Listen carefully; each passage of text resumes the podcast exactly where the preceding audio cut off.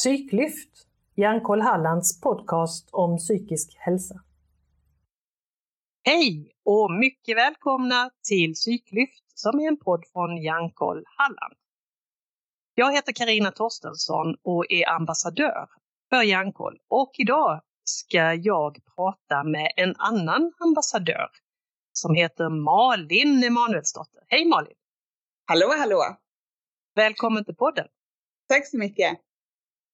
Kan inte du eh, beskriva lite kort eller berätta lite kort vem du är?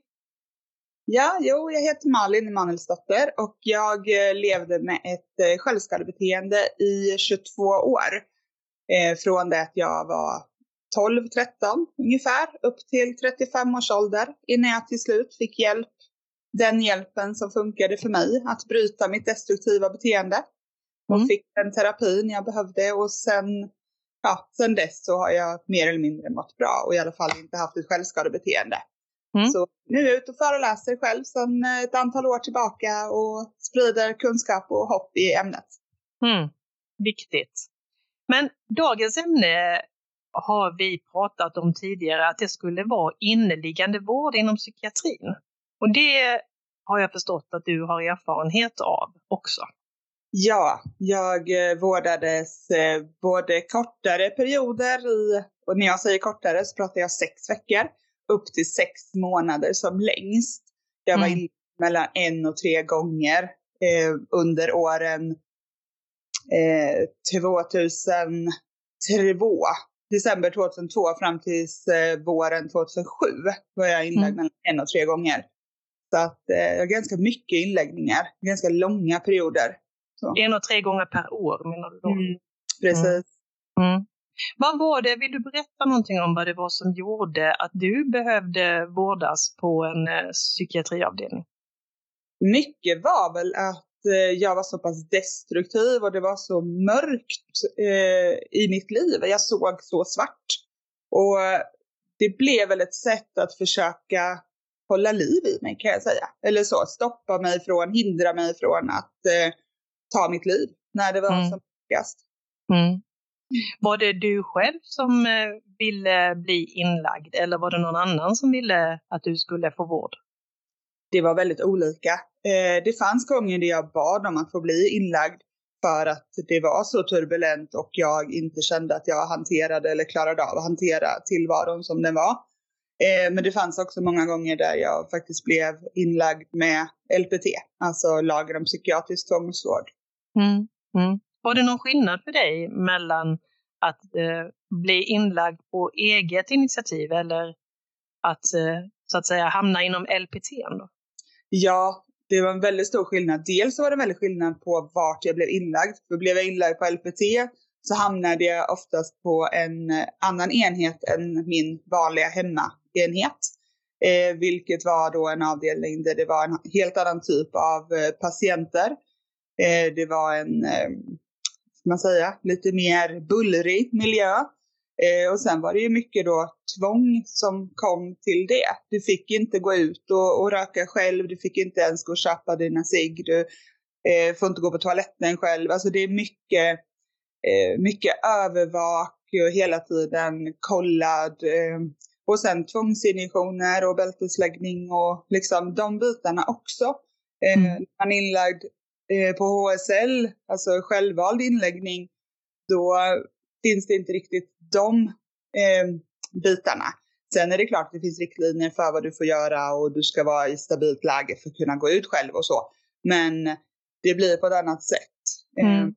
Även om jag vissa gånger blev lite så här, ja men du har ett val, lägg in det frivilligt eller så blir det LPT. Eh, så då var det väl lite så där att det kändes kanske som ett man mer eller mindre blev tvingad till att lägga in sig frivilligt. Men samtidigt så var det ändå skönt att veta att det var ändå jag som fattade det avgörande beslutet. Mm. Eh, så, men eh, mm. äh, det är lite skillnad mellan de olika inläggningarna. Mm. Och de här eh, tvången som då kommer med, med en tvång, tvångsinläggning, mm. eh, där man är, som du säger, begränsad och, och kanske inom citationstecken kontrollerad på ett annat sätt. Mm. Eh, hur, kan du beskriva, alltså hur, hur upplevde du det när du, om, om du tänker tillbaka på första gången du var med om detta? Eh, jag tyckte det var jätteskrämmande. Eh, första gången så var jag ju också väldigt ny inom psykiatrin. Eh, jag hade inte varit inlagd så mycket. Visst, jag har jobbat inom psyk som undersköterska och eh, ja, vid den tiden så hade jag bara jobbat som undersköterska, men eh, senare jobbat som sjuksköterska och att då komma in i en vård som patient och vara tvingad till saker och ting, att inte få göra vad du vill, hela tiden ha någon som följer efter dig. Eh, det var nästan som man blev lite rädd till slut att vara själv. För man mm. var så van vid att hela tiden ha någon som följde efter en och tittade på en och, och liksom, vilket också gjorde att meningen är att jag ska klara av att ta hand om mig själv, jag ska klara av att jobba med mina färdigheter, stå emot mina impulser. Samtidigt så har du någon som hela tiden är där och stoppar dig från att göra något destruktivt. Vilket gör att det blir väldigt lätt att dels luta sig mot den personen så den får ta över ansvaret. Samtidigt som de säger att ansvaret är mitt och att jag måste ta hand om mig själv. Och så samtidigt så är det någon som hela tiden står där över din axel och tittar på vad du gör. Det, blir, det är en väldigt konstig situation. Mm. Mm. Och man känner sig väldigt liten, eller jag känner mig väldigt liten. Mm. Det var klart att det är skönt att ha någon hos sig när ångesten var som värst och det fanns ju alltid någon som hade tid att prata för man hade ju sin egen personal hos sig. Så de fördelarna var ju bra. Men det negativa, att inte ens kunna gå in och gå på toa själv eller ta en dusch själv utan det sitter någon och tittar. Det är väldigt förnedrande också. Och har man då mm. dessutom varit utsatt för eh, vissa trauman så är det klart att det blir ännu jobbigare om det sitter någon av det motsatta könet och tittar på en. Liksom, mm. Mm. Mm. Men är det någonting som, som hjälper eller läker eller, eller är liksom helande på något sätt? För det är ju ändå det som är orsaken till att man blir inlagd på sjukhus eller psykiatriavdelning. Så är det meningen att man ska må bättre när man kommer ut igen. Men är, är det där eh, tvånget då verkligen till en hjälp? Eller hur ser du på det? Jag skulle säga att det finns absolut lägen eh, som jag kan se idag som frisk eh, och som sjuksköterska. Jag kan se att det finns vinster där det verkligen handlar om att rädda liv, skydda personen. Det är klart att det finns lägen där det är superviktigt att personen inte lämnas ensam ens en endaste minut. Självklart, men då pratar vi korta, korta, korta situationer där det är som mest akut, där det verkligen handlar om liv och död. Resten av tiden är det inte så akut och som självskadepatient så blir det värre med det här tvånget och det här övervaket, konstant övervaket. För det handlar ju mycket om att jag måste lära mig hantera min situation, mina, eh, mina impulser, min ångest. Mm. Hjälp av stöd av personalen.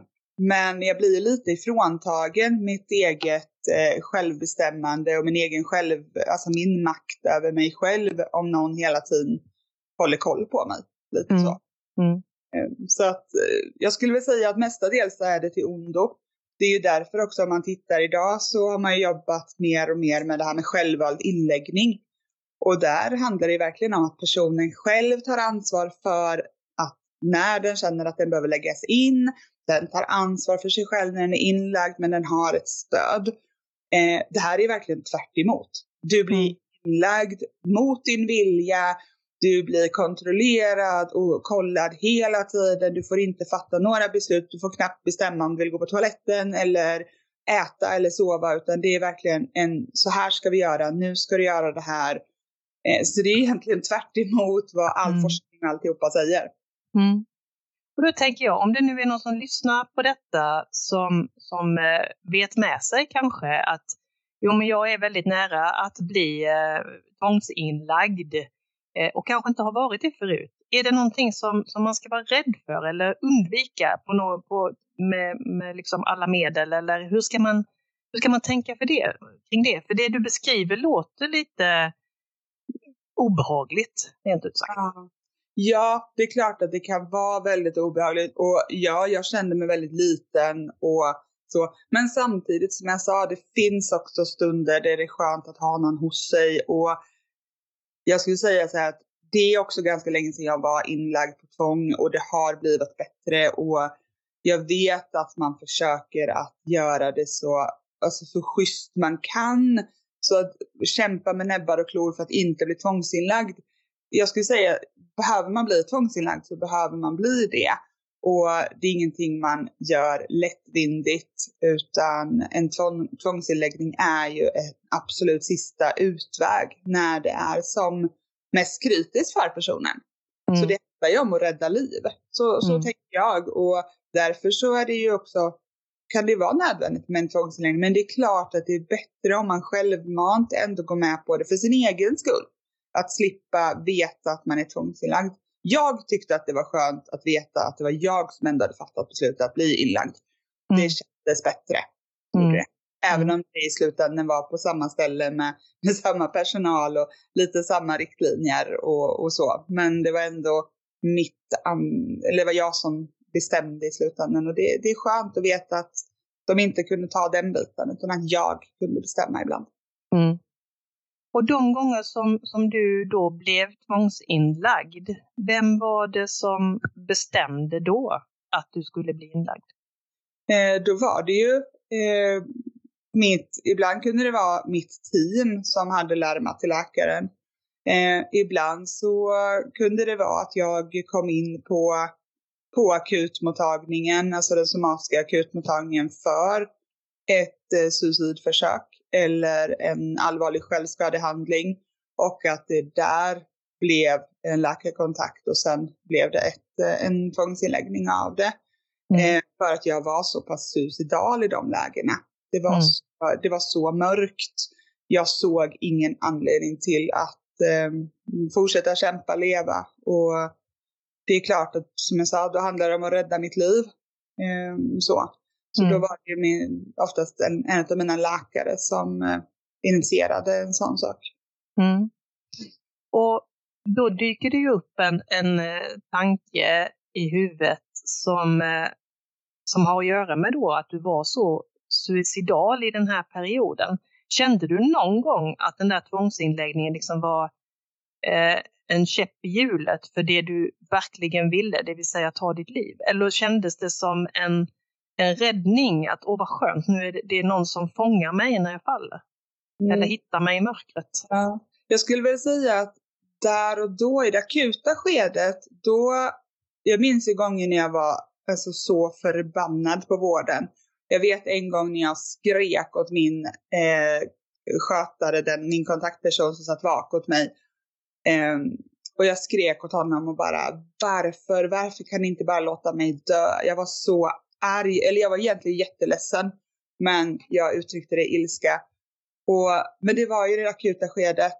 Sen efteråt så är jag ju bara jättetacksam till att de faktiskt stoppade mig, för idag mår jag ju bra. Och hade, mm. jag, hade de inte tvångsinlagt mig så hade jag kanske inte levt idag.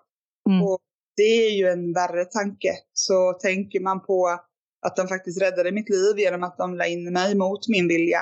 Mm. Så är ju så idag är det ju helt klart värt alla de gångerna såklart. Mm, eh, för att livet är så värt att leva. Men mm. då, där och då så såg inte jag det. Då var det så mörkt. Så då, då kändes det inte som att det fanns någon mening. Jag hade varit med om så mycket och inte en gång till och en gång till och nej. Mm, mm. Och efter en sån här tvångsinlagd period, kände du, mådde du liksom bättre då? Hade du fått hjälp eller var det bara så att du blev övervakad så att du inte skulle kunna skada dig själv? Eller var det så att du fick liksom någon, någon form av hjälp för att vara på en bättre plats när du kom ut igen? Eh, flera av de gångerna jag var tvångsinlagd så var jag tvångsinlagd under en viss period och sen så gick det över i en HSL-inläggning, eh, alltså en frivillig inläggning. Och så mm. var jag kvar ytterligare en period just för att det här tvånget behövdes inte längre. Jag såg fortfarande, då såg jag en anledning till att jag ville vara kvar. Kanske för att få hjälp att eh, få ordning på min sömn eller mitt matintag eller sådana bitar. Eh, och då, då var det, kunde det vara skönt att få vara kvar. Då blev det ett lugn inom mig. Mm. Eh, mm. plus då fick jag ju komma in på min hemavdelning när jag var där på frivillig vård. Eh, där jag kände personalen och där jag var, där jag kände mig mera trygg. Mm. Eh, och det, så då kunde det här jobbiga, akuta gå över i en lite lugnare fas där det faktiskt kändes lite mer stabilt och där jag till exempel övade på att åka hem på permission och klara av att vara ute i samhället igen. För varje gång jag hade varit inlagd under en period så blev jag väldigt rädd för att vara ute bland människor. Jag tyckte att det var väldigt obehagligt att vara själv. Mycket kopplat till att jag hade haft vak. Där mm. hela tiden var någon och helt plötsligt skulle jag gå själv. Eh, och då var det skönt att vara inlagd under en period efter varje tvångsinläggning där jag kunde träna på att vara ute. Både med mm. personal och sen också själv. Kunna åka hem till min egen bostad själv, känna på det, sova över hemma någon natt på permission. Eh, lite så, hela tiden stödet i avdelningen. Så att, eh, ja, hade det bara varit en kort, kort tvångsinläggningsperiod och sen hem, då hade det nog varit på ett annat sätt. Mm. Så. Nu kunde, mm. jag ändå, nu kunde man ändå få det till att det blev en bra inläggning även om den var väldigt turbulent när den började. Mm. Men det så fanns det... också tillfällen där jag var inlagd på HSL och sen blev tvångsinlagd under, alltså att man ändrade från HSL till LPT under samma inneliggande period för att det krisade så pass. Så att sådana tillfällen fanns ju också. Mm. Och det låter ju som, för under om jag förstod det rätt så under fem års tid så vårdades du eh, relativt mycket inom psykiatrin. Eh, både kortare, det vill säga från sex veckor upp till sex månader, upp till tre gånger om året. Och det, I mina öron låter det ju lite som att du åkte hem och sen så gick det inte så länge, sen behövde du åka in igen. Det var lite fram och tillbaka, ut och in och, och så. Ja. Eh, och av det så förstår man ju att det här är ingen quick fix. Det här nej. är ingenting som, som man löser med en inläggning. Nej, nej. Nej, jag skulle säga att eh, egentligen inneliggande perioder för mig var mer en form av, först så var det oftast akut läge och sen fick man lite reparera skadan av den här akuta inläggningen och få ordning på min sömn och våga vara ute och våga vara hemma igen. Och, och sen hem och sen så började det krisa hemma och då hade jag inga färdigheter att ta hand om de kriserna hemma. Så då blev jag inlagd igen. Mm. Eh, och det var ju det här som sen ändrades när jag 2007 eh, hamnade, man bestämde på min hemavdelning att jag, eh, jag var för sjuk för att vårdas där mer. Så min vård flyttades över helt till en annan klinik. Och då började man titta på de här bitarna lite mer att okej, okay, vad är det man har gjort under de här åren och varför funkar det inte? Och varför mm. är Malin inneliggande så långa perioder? Och, och då såg man just det här att nej men Malin behöver ju hjälp i hemmet. Det är ändå där hon ska vara. Det är där hon behöver hjälp att eh, hantera sina, sina jobbiga perioder, sina kriser. Hon behöver färdigheterna för den biten. Och så började man titta på det och eh, jag började få hembesök istället. Både akut och planerat. Så att när det var sådär superakut och jag mådde jättedåligt och hade väldigt mörka tankar, då kunde jag ringa och så fick jag ett besök ganska så snabbt i tid. Innan mm. det kunde gå en timme ibland så var de där. Eh, personal som jag kände som kunde komma hem och stötta mig i hemmet. Eh, så att istället för att fly in till vården så kom vården hem till mig och hjälpte mig där. Där jag faktiskt hör hemma. Det är ändå mm. där jag ska bo. Mm, mm. Och det var då en, en hjälp för dig att uh, få fast mark under fötterna kan man säga? Ja, ja. Mm. det var ju den vevan som sen började vända för mig. Och mm. sen senare så blev jag så pass stabil så att jag eh, efter ytterligare ett, ett och ett halvt år att eh, man kunde skicka en remiss så att jag fick den formen av terapi som sen hjälpte mig att ge mig de färdigheterna som jag behövde då, för att kunna bli mm. Mm. Mm. Eh, har du funderat, eh, eller hade du funderat någonting innan du blev inlagd den första gången, om vi nu backar i tiden igen då, på hur det skulle vara att bli inlagd på en psykiatriavdelning? Och hur stämde i så fall de funderingarna in på hur det verkligen var, din, din upplevelse? Eh, ja, eh, jag hade, nej jag hade nog inte tänkt så mycket på hur det var, skulle vara för mig att vara inlagd. Jag hade ju jobbat som undersköterska många, många år tidigare inom psykiatrin. Då hade jag jobbat dock med äldre.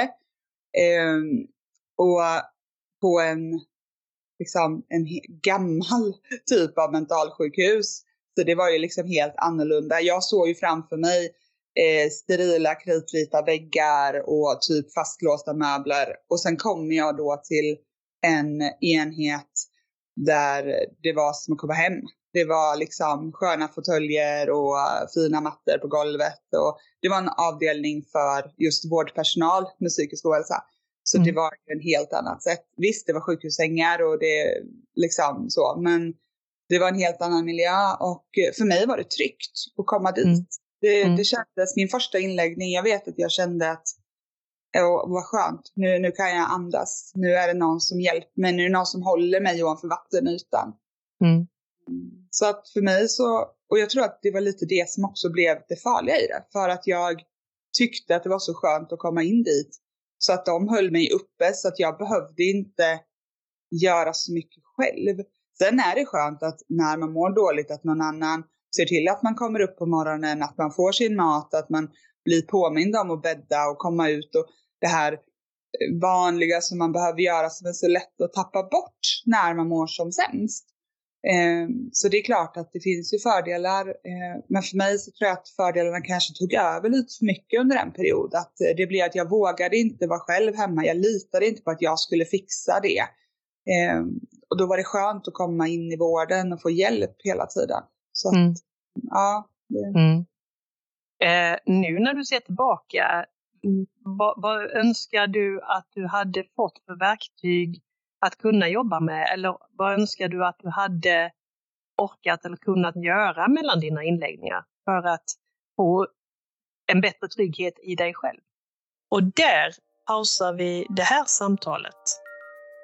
Du kan höra fortsättningen i nästa avsnitt av Psyklyft. Fortsättning följer. Missa inte nästa avsnitt.